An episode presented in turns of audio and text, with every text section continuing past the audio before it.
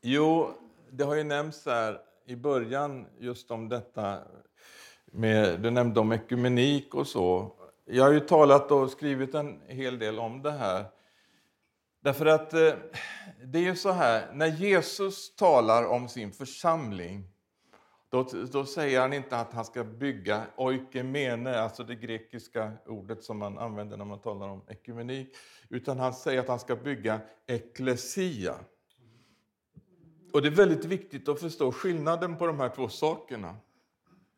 För oikemene, eller ekumenik, det betyder hela den bebodda världen. Hela den bebodda världen. Alltså alla människor. Ekumenik. Alla. Men eklesia, det betyder de som har tagits ut ur världen. Och det är en väldig skillnad. Och när Jesus talar om enhet, då talar han inte om oikemene, om ekumenik, utan han talar om eh, ekklesia. eklesia som jag sa. Och jag ska läsa det här ordet som missbrukas så fruktansvärt i de här eh, ekumeniska sammanhangen. Eh, jag tror säkert att ni gissar vad jag ska läsa. Är det någon som kan? Johannes 17. Och då är det Jesus som, eh, det står Jesu översteprästliga bön.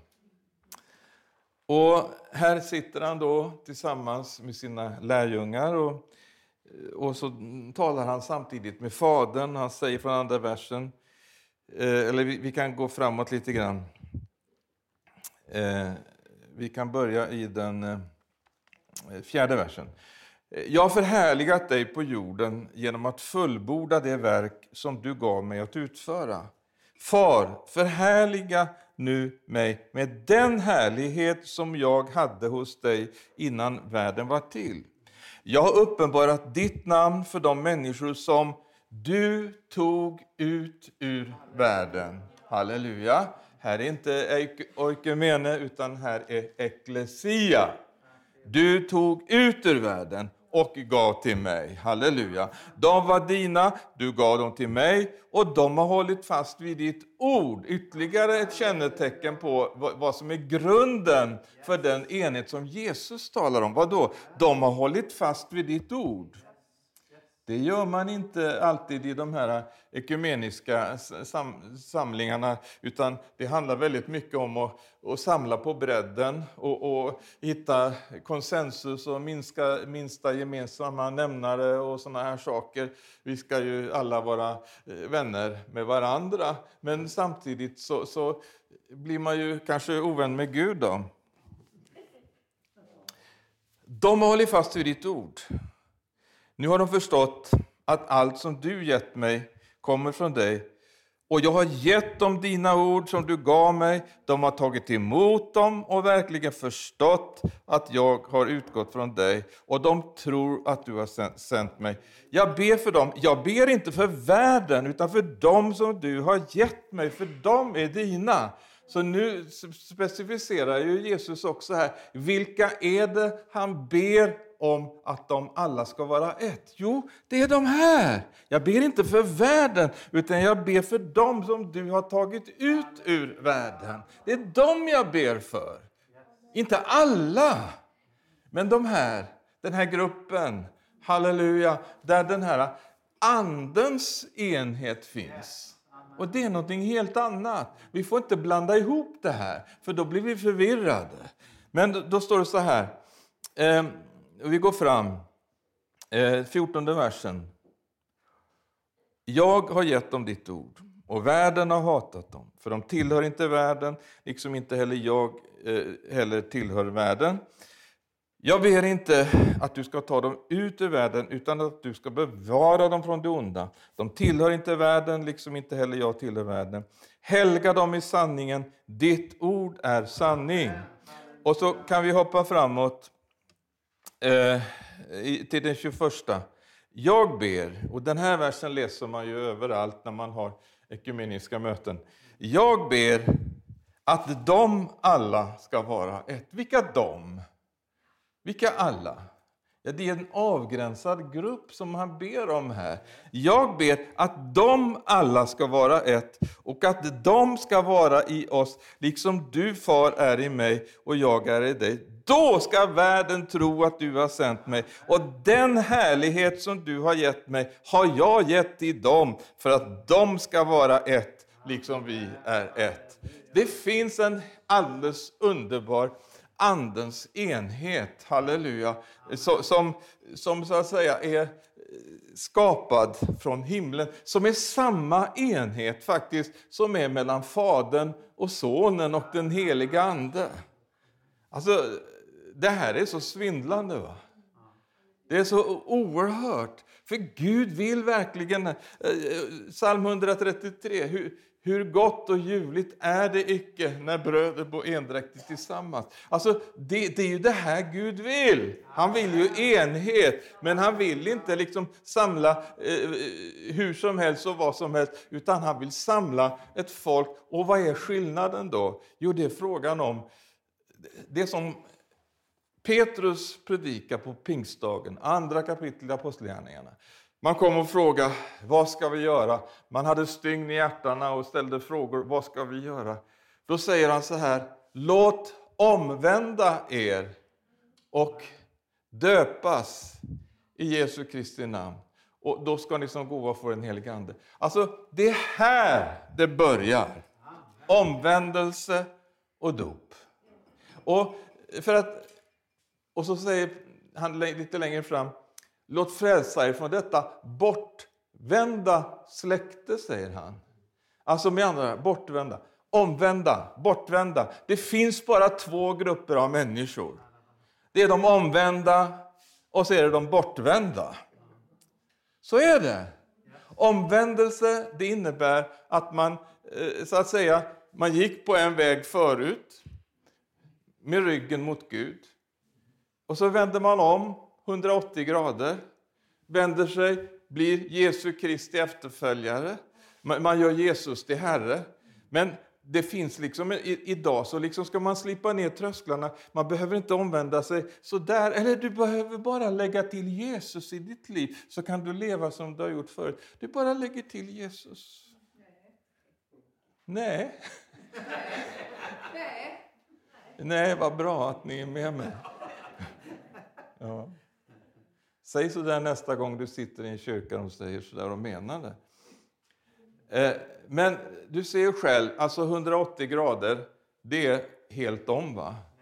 Men om man vänder sig 90 grader, då är man fortfarande bortvänd från Gud. Det finns ingen halv omvändelse. Utan 1 till 179 grader, då är man bortvänd från Gud. Men 180 grader, halleluja, det är den smala vägen. Det här andra det är den breda vägen. Så är det.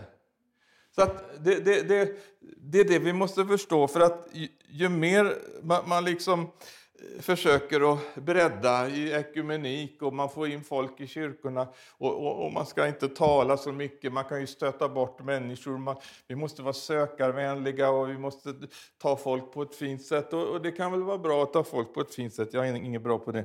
Men, men, men, men eh, för de som kan det kan det vara bra. Men faktum är att eh, när vi läser Bibeln så, så ser vi, alltså hela vägen, ända från början så är det detta omvändelse. Om, varför det? Jo, därför att vi är syndare som behöver en frälsare. Men så, så säger man inte där ute. Utan, eh, och, och, och, den här fruktansvärda katolska mysticismen som nu liksom kommer krypande in genom alla de här eh, katolska eh, mystikerna som har fått ingång. Och, och det är så... Det, det är så det, det, är så skönt och härligt och, och, och, och, så lättvindigt och lättillgängligt. Därför att man behöver ju inte omvända sig. Och Jesus har ju inte, liksom, det handlar ju inte om, som, som eh, du citerade, jag hade skrivit där i, i Världen idag, Richard Rohr exempelvis, de säger att eh, det handlar inte om att, eh, att eh, att renas, utan att väckas, säger man. Vad innebär det? Vi behöver ingen frälsare som liksom tvättar oss rena från synden, utan vi måste väckas över att Gud bor inom oss. Men min bibel säger så här att alla har syndat och saknar härligheten från Gud. Och att Gud för att rädda och frälsa oss sände sin son till den här världen. Men om det nu är som de här säger, som, som predikar det här äh, falska evangeliet, då hade ju Jesus inte alls behövt komma hit och utsättas för det lidande som han utstod. Att inte Gud tänkte på det. Han, han missade det här. Men, men alltså det här är den breda vägen. Och man försöker liksom att få människor att tro att de så att säga är Guds barn bara genom att liksom man söker. Jag ska, du ska, jag ska citera någonting som en som heter S. Henriksen skriver. att Ytterst handlar det om ett val mellan Bibelns Jesus eller den inre resan. Om vi når gemenskapen med Gud genom att ta emot Jesus Kristus eller genom att borra oss in till djupet av vårt inre där han redan finns, som ett högre gudomligt själv gemensamt för alla människor och alla religioner. Med valet följer två vitt skilda världsåskådningar. Den bibliska eller den okulta. Det är det det handlar om. Det handlar om bibel eller okultism. Och okultism, det leder inte till himlen. Det är den onde. Och det står om djävulen att han förskapar sig till en ljusets ängel för att förvilla och, och, och föra oss bort ifrån Gud. Så se upp med honom när han kommer på det sättet, för det är då som han är som allra farligast. Och, och Det är just detta att många av de här eh, mystikerna det, det, det, finns så mycket bra och fint som de skriver i sina böcker. Det, det är verkligen så. att, att och, och, och, Ofta så är de ju otroligt begåvade liksom rent språkligt och kunna uttrycka sig på olika sätt. Och, och det är enormt vackert och fint. Men det är falskt. Och, och, och det, det, det farliga är inte liksom när djävulen uppträder liksom i, i den råa, brutala ondskan. Utan det är när han just kommer på det här sättet. Och, och, och eh, Som jag skrev i, i boken i förordet att obibliskt plus obibliskt, det är villolära. Men obibliskt plus bibliskt, det är farlig villolära. Man blandar in lite bibliskt, man citerar bibelversar. Och man liksom på det här sättet så liksom får man det att låta som att det här är liksom vad Bibeln säger. Men observera en sak. För det första, vad som händer, det är det du hittar inte omvändelse, i alla fall inte omvändelse på det sätt som vi finner det här. Och Jesus tonas ner och framförallt så hittar du inte liksom eh, blodet, Jesu blod som renar från all synd och, och, och, och, allt detta som liksom då är förenat med Golgata och, och så vidare. Så att eh, den här mannen som heter Richard Rohr, som jag då skrev om, han, han, eh, han säger att detta att Jesus dog, ja, det var en, en serie olyckliga omständigheter att Jesus dog. Och, och det behövdes inte för vår frälsning. Så det, det, är så de talar. Så se upp med de här som, som de får ge ut sina böcker på de kristna förlagen. Dessa villolärare. Det är så sjukt!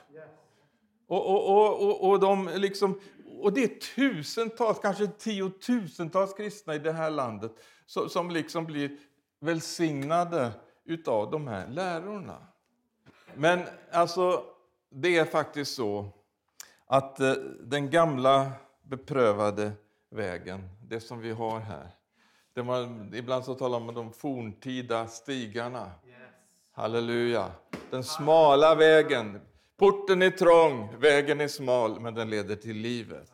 Det är den vägen vi vill gå. Vi vill inte bli lurade in på den breda vägen.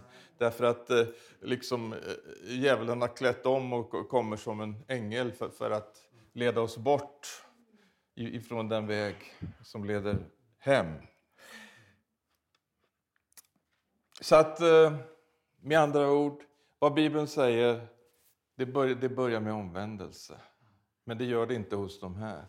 Och jag, jag ska ta med er här till eh, Markus evangelium, eh, de första verserna i det första kapitlet.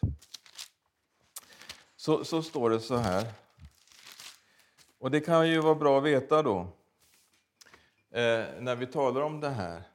Så säger han så här, Markus 1 och 1. Här börjar evangeliet om Jesus Kristus, Guds son. Här börjar evangeliet om Jesus Kristus, Guds son. Och hur börjar det då? Ja, det börjar med en omvändelseförkunnare som hette Johannes döparen. Han predikar eh, omvänder. Eh, det, det, står i andra versen här, så står det skrivet hos profeten Jesaja, se jag sänder min budbärare framför dig och han skall bereda vägen för dig. En röst ropar i öknen, bana väg för Herren, gör stigarna raka för honom. Och Johannes döparen trädde fram i öknen och förkunnade omvändelsens dop till syndernas förlåtelse. Och hela Judeens land och Jerusalems alla invånare kom ut till honom och de bekände sina synder och döptes av honom i floden Jordan. Och sen står det längre ner i samma kapitel om Jesus. Och, och, Han säger tiden är inne och Guds rike är här. Omvänd er och tro på evangeliet. Så att eh, han hade inget annat budskap utan det var omvändelse som gällde. Och, och så är det idag. Det, det, är inte så att eh, det har ändrat sig på något vis, utan det här kvarstår. Det handlar om omvändelse.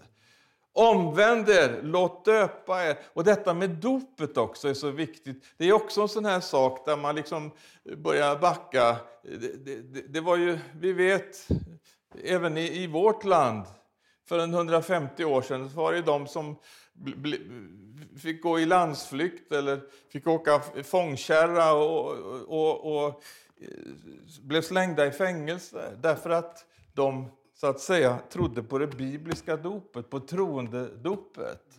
De stod upp mot eh, den här eh, traditionen med, med, med spädbarnsdop och sakramentalismen. Eh, och för att, vad det står om här, omvänd er, låt döpa er. Det är när man skiljer de här två sakerna åt som det blir så konstigt och, och rörigt. Det hör ihop! Omvänd er, låt döpa er. Eh, eller som Jesus säger, den som tror och blir döpt, det hör ju ihop. Och, och eh, ett nyfött barn, hur mycket kan det tro? Ja, konstigt. Men i alla fall, det här är väldigt färskt för mig. Jag fick ta tag i en sån här sak igår, i förrgår. Bara, det, det, alltså det, det, är så viktigt att, att vi liksom har den här grunden. Jag, jag fick vara väldigt tydlig med det att i Nya testamentet och i församlingen Agape i Göteborg, den enda vägen in i församlingen, det handlar om omvändelse och troende dop. Så är det. Halleluja. Eh, och, och eh, I alla fall, här ser vi alltså, här börjar evangeliet om Jesus Kristus, Guds son. Halleluja, det är bra att veta var det börjar någonstans, eller hur? Det är så det börjar. Här börjar det, omvändelse.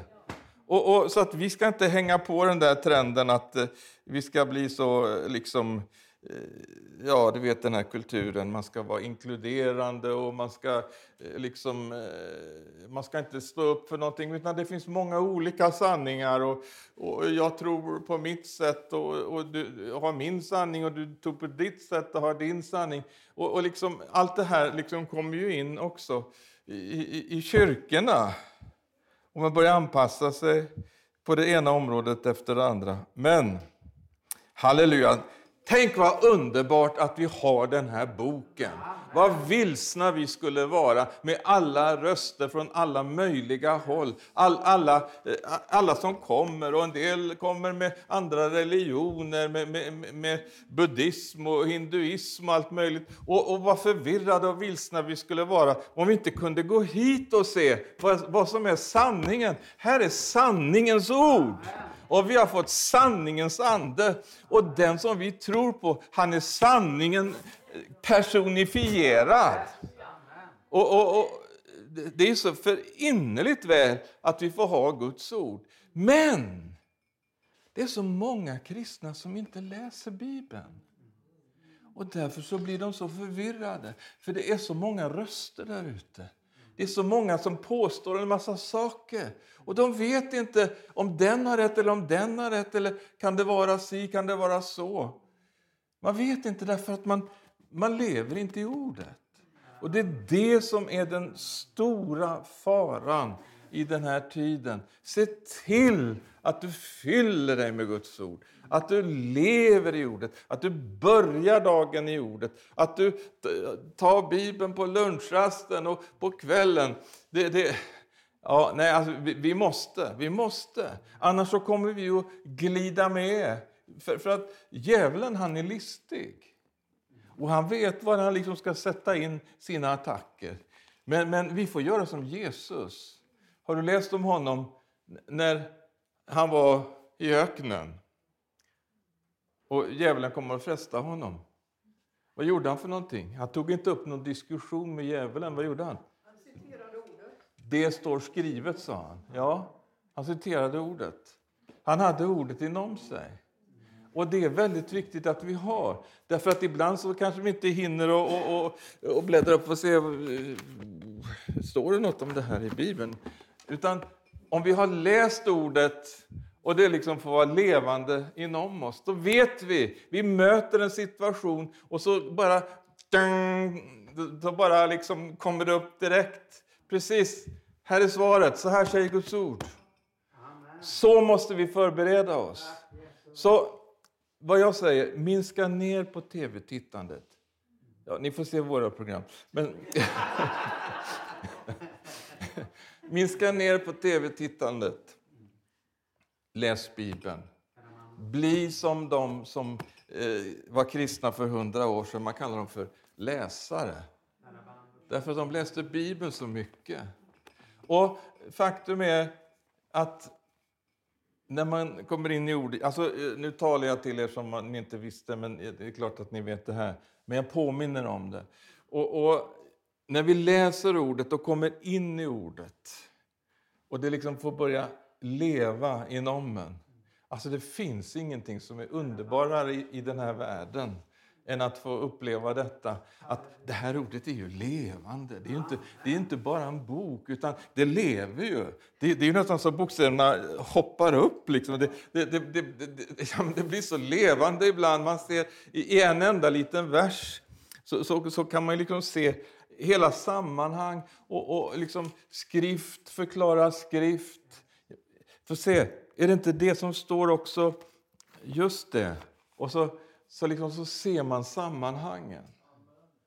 Det är det vi kallar det till att leva det livet. För då, då är vi preparerade, då är vi förberedda. Då kan vi möta fienden när han kommer, som Jesus gjorde. Han kommer och viskar i örat och så fräser vi tillbaka. Det står skrivet! Ja. Och, och, och, så att det, det är vår attityd mot honom. Men jag, jag, vill bara återkoppla till det här som jag började tala om. Detta med ekumenik då. Finns det ordet i Bibeln? Ja, det gör det. En del tror inte att det finns där, men det gör faktiskt det. Eh, och det finns, när det står julevangeliet att eh, från kejsar Augustus utgick ett påbud att hela världen skulle skattskrivas. Hela världen. Oikimene, ekumenik. Där står det. Och när Jesus frestas i öknen, när djävulen tar honom upp på ett högt berg och visar honom alla riken i världen, så är det just det, alla riken i världen, oikemene. Men Jesus tackade nej till det. Han tackade nej till ekumeniken. Ja. Så att, eh, så är det. Och det gör jag också. Hoppas du gör det med. Men vi vill ha Andens enhet. Det, alltså, det är så fantastiskt. Andens enhet. När, när, när det finns alltså detta Andens enhet, Andens renhet. Va? Det finns liksom inte en massa uppblandning av allt möjligt konstigt, utan det är rent. Man upplever verkligen gudsnärvaron. Och jag har rest i andra länder och i andra världsdelar. Jag kan bara dimpa ner i ett sammanhang i någon församling på andra sidan jorden. Och det känns som vi har känt varann i hundra år. Alltså därför att man är ett i anden. Man, man förstår, vi älskar Guds ord. Och vi älskar Andens liv. Sen kan man träffa människor, liksom man kommer till någon kyrka någonstans, någonstans och, och, och man känner sig som en främling. Ja. Men, men i alla fall, Andens enhet. Det är det vi behöver. Vi måste stå tillsammans. Vi som verkligen tror på Guds ord. Vi måste, och, och jag, jag, jag, har bett om det här den sista tiden. Gud, res upp ditt folk i det här landet. De som verkligen helhjärtat har omvänt sig. De som helhjärtat vill överlämna sig åt dig. Och inte bara omvända sig utan ständigt också förnyas. Som det står i, i, i eh, Romarbrevets 12 kapitel. Att vi ska låta oss Eh, jag ska läsa det till för, för det här är liksom fortsättning. Det börjar med omvändelsen och så fortsätter vi så här. 12 och 1. Därför uppmanar jag er bröder vid Guds barmhärtighet att frambära era kroppar som ett levande och heligt offer som behagar Gud, er andliga gudstjänst. Anpassa er inte efter den här världen utan låt er förvandlas. Det var det ordet jag tänkte på. Låt er förvandlas genom förnyelsen av ert sinne så att ni kan pröva vad som är Guds vilja, det som är gott och fullkomligt och behagar honom. Halleluja! Först omvänder vi oss och sen så bara fortsätter vi den här processen genom att låta oss förvandlas och förnyas.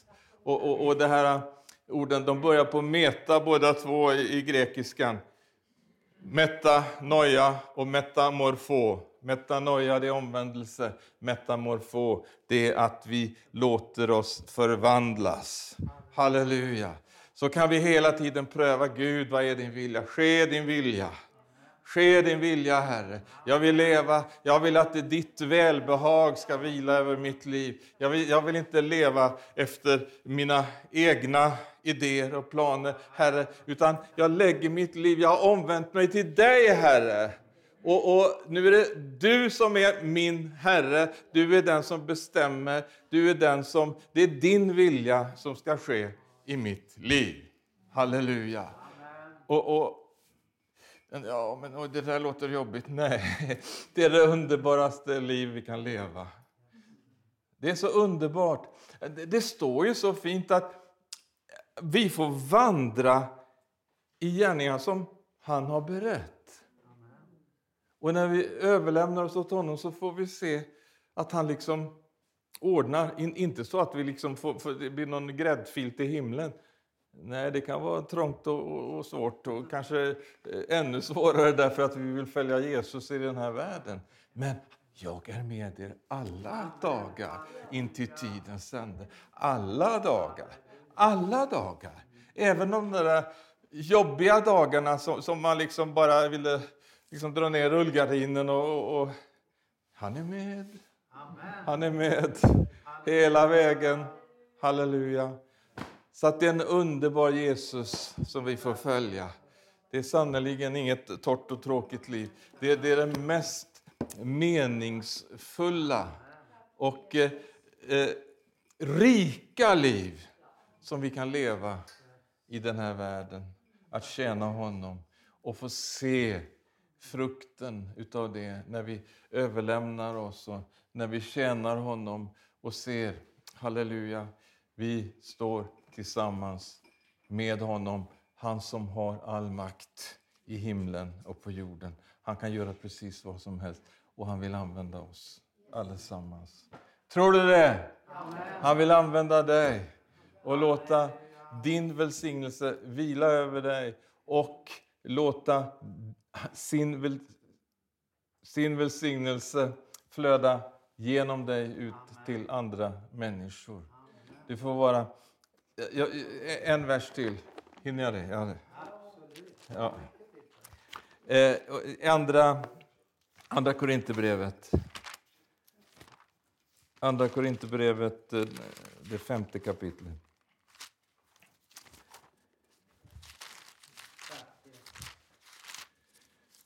Halleluja. Fjärde kapitlet. Gud som sa, ja 4 och 6. Gud som sa ljus ska lysa i mörkret. Han har lyst upp våra hjärtan för att, för att kunskapen om Guds härlighet som strålar fram från Kristi ansikte ska sprida sitt ljus. Men eh, denna skatt har vi i lerkärl för att den väldiga kraften ska vara Guds och inte komma från oss. Och, Jag älskar det här. För det första, Gud skaparen, han som sade var det ljus och det blev ljus. Han har sagt det över ditt och mitt liv. Halleluja! Gud som sa ljus ska lysa ut ur mörkret. Han har lyst upp våra hjärtan. Halleluja. Han kommer med sin skaparkraft. Han gör ett skapelseunder där det förut var mörker. Där det förut var, var död. Där, där, där vi så att säga levde långt borta från honom. Där kommer han och gör ett under, ett förvandlingsunder. Och han säger, var det ljus över ditt liv. Och ljuset går upp i ditt hjärta. David, han visste vem Gud var. Kung David. Han ber i psalm 51 så här att Skapa i mig ett rent hjärta. Vi kan inte rena våra hjärtan. Vi kan inte skapa, men Gud skapar en. Han som har skapat universum, han kan skapa. Han gör ett skapelseunder. Han tar ut stenhjärtat och så ger han ett hjärta av kött. Han skapar. Skapa i mig, Gud, ett rent hjärta. Halleluja! Så att det, det är detta som är hemligheten, förstår du. Det är Guds verk i oss. Det är inte det att vi blev så bra, vi blev kristna och så började vi leva ett mycket, ja du vet, vi, vi blev jättebra. Men det är inte det, utan det är Guds verk i oss. Han sa, var det ljus och det blev ljus. Han sa att det skapade ett nytt hjärta och så blev det ett nytt hjärta, ett rent hjärta. Halleluja. Men så står det här, om vi går tillbaka, andra Korinthierbrevet, fjärde kapitlet, i den sjunde versen. Men denna skatt, det som Gud har gjort alltså i oss, för att Guds härlighet fyller oss. Denna skatt har vi i lerkärl, för att den väldiga kraften ska vara Guds och inte komma från oss. Så att det är egentligen, det här kärlet är ju inte det intressanta, eller hur? Vi är såna här lerkärl och vi kan vara lite kantstötta och lite spruckna och, och, och sådär. Va? Såna här Eh, lerkärl som, som eh, eh inte, eh, inte... Men de är intressanta på grund av det som liksom finns i kärlen. Halleluja! Halleluja! Att Guds härlighet, denna skatt har vi i lerkärl. För att den väldiga kraften, var finns den väldiga kraften? Jo, i lerkärlen. Den väldiga kraften ska vara Guds. Men det kommer inte från oss, det kommer från Gud. Men han har fyllt på. Det är han som gör alltihop. Halleluja, från början till slut. Det kallas för nåd. Nåd. Inte förtjänst utan nåd. Vi är frälsta av nåd. Vi omvände oss till honom. Det var vår bit. Men så tog han emot oss. Så födde han oss på nytt. Vi fick ett nytt liv, ett nytt hjärta. Var det ljus, sa han. Och mörkret försvann. Halleluja. Kan man ha det bättre? Det är fantastiskt. Tänk ändå vad vi har fått. Vad vi äger i honom. Och, och då säger han så här eh, om vi går tillbaka till den sjätte versen. Gud som sa ljus ska lysa i mörkret. Han har lyst upp våra hjärtan för att, alltså, han har en avsikt med det också. Det var inte bara det att, att vi skulle få det bra, utan för att. För att. Kunskapen om Guds härlighet som strålar fram från Kristi ansikte skulle kunna sprida sitt ljus. Alltså, han lät ljuset gå upp i våra hjärtan för att det skulle spridas genom oss, vidare, till andra människor. Halleluja. Ni är världens ljus. Ni. Ni är världens ljus.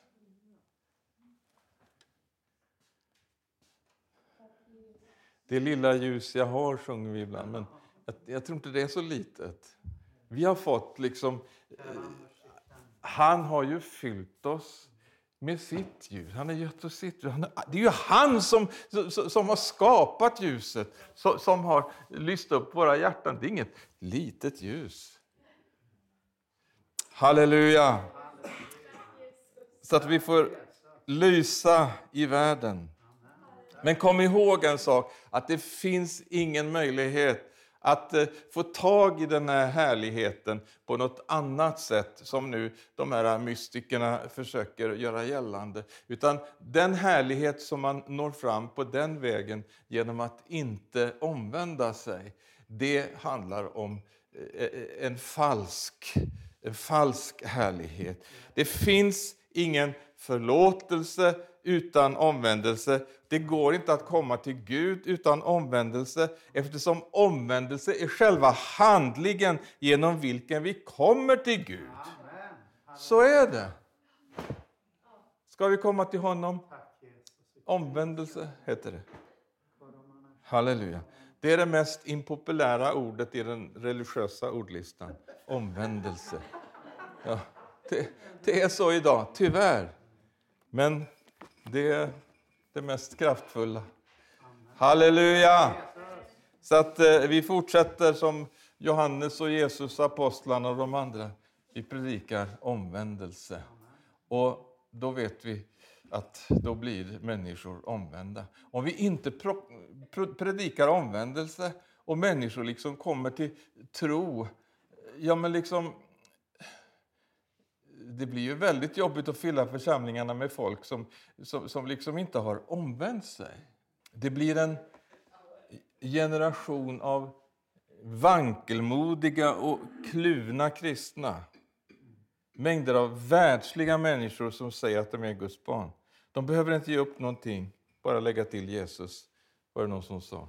Eller som en del säger, du duger som du är. Vi duger inte som vi är. Det är bara Jesus som duger som han är. Vi kommer till honom och när vi så att säga blir klädda i hans rättfärdighet, då duger vi som vi är. Då duger vi som vi är. Halleluja! Vi är förlorade syndare utan honom. Men halleluja, när vi har tagit emot honom, då kommer, och det ska jag tala om imorgon, det har välsignat mig väldigt mycket. Så att, eh, jag ska inte gå in på det nu, men det är så härligt det som är Guds plan för oss. För det är inte bara det att vi ska bli frälsta, utan han har en sån fantastisk plan för oss som går ända in i evigheten. Halleluja. Tack Jesus för frälsningen. Tack för blodet. Tack Jesus för Golgata. Tack för allt som du har gjort för oss Jesus, för att frälsa och rädda oss Jesus. Halleluja.